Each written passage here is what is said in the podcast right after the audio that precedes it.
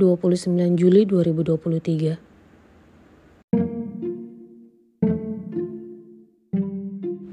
Proses dewasa menjadi kode bahwa ke depannya menjalani hidup tuh bakalan lebih berat.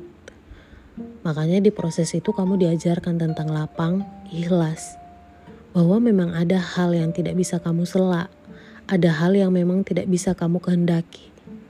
Hanya perlu terima, jalani. Walau keadaan itu adalah keadaan yang gak menyenangkan.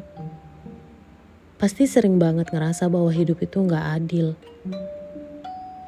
kamu merasa bahwa hidup itu gak adil hanya saat kamu merasakan hal yang tidak menyenangkan.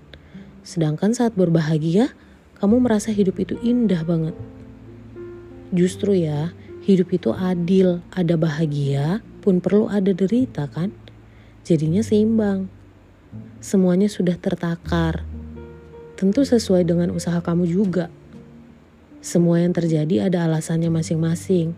Bahkan untuk yang menyedihkan sekalipun, ada hikmah di baliknya. Hanya saja sering kali prasangka kamu lebih awal mengatakan hal yang gak baik.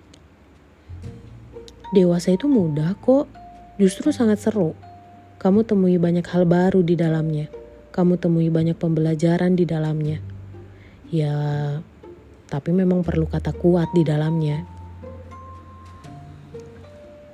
Bisa jadi yang bikin capek adalah perasaan sendiri perasaan yang pengen punya langkah yang sama kayak manusia lainnya. Ya pada aslinya kita ngerti bahwa kemampuannya udah jelas beda. Bisa jadi yang bikin capek adalah karena selalu berusaha memenuhi standar bahagia orang lain. Sampai akhirnya lupa sama ukuran bahagianya diri sendiri. Sayangnya, makin dewasa, yang dibutuhkan bukan tentang nasihat semata, tapi ingin didengar dengan telinga dan dipandang penuh makna. Aku jadi mengerti mengapa banyak orang yang menyerah pada hidupnya juga rasa sakitnya. Padahal banyak orang yang berkata, "Jangan pulang dulu." Tapi sebagian hanya berkata seperti itu saja. Lalu tak peduli tentang rasa sakit yang dialami.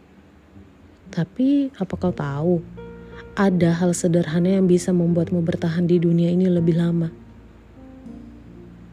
Tentang nikmatnya makan bakso saat hujan turun, atau bagaimana rasa mie seduh dengan potongan cabai yang menambah citra rasa pedas.